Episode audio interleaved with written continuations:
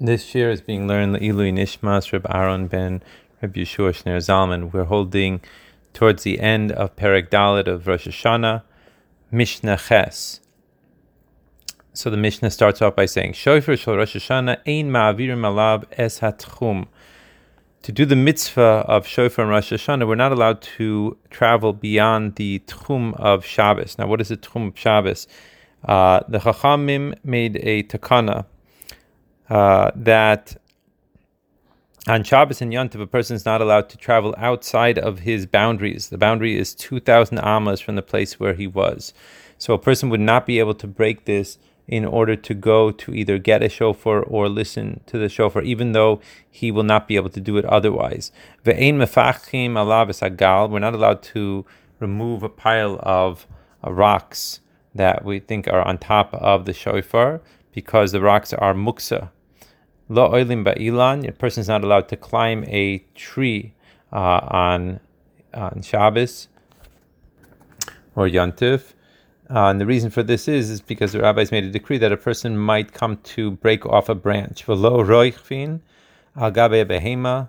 A person is not allowed to ride on an animal in order to get the uh, shofar. The, reasons why the rabbis made this decree is that a person might come to break off a tr- branch from a tree also and use it as a whip for the animal.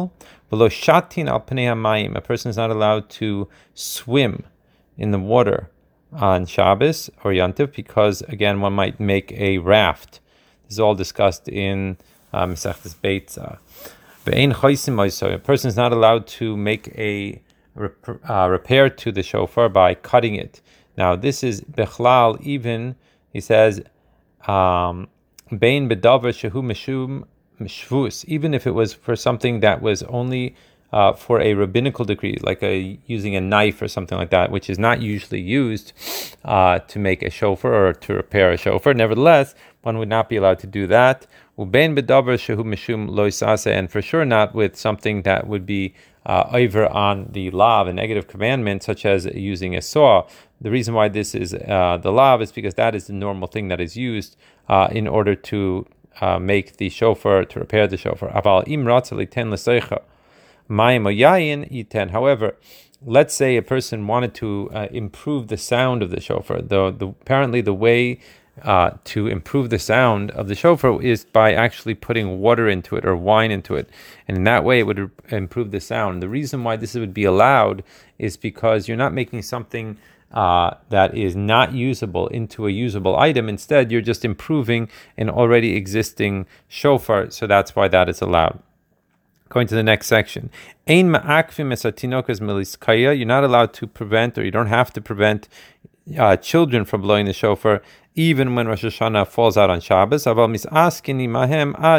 Rather, instead, um, if they're old enough to be of the age that they're able to be actually learning how to blow the shofar, you could even involve yourself with them uh, in order to teach them to blow the shofar. And then finally, However, someone, this is a totally new subject here, the last subject of the Mishnah, someone who is involved with a different matter altogether, and he uh, happens to blow the shofar. Now, at that moment when he's blowing the shofar, he does not have in mind and he does not have an intention to fulfill the mitzvah. So, therefore, he has not fulfilled his obligation. And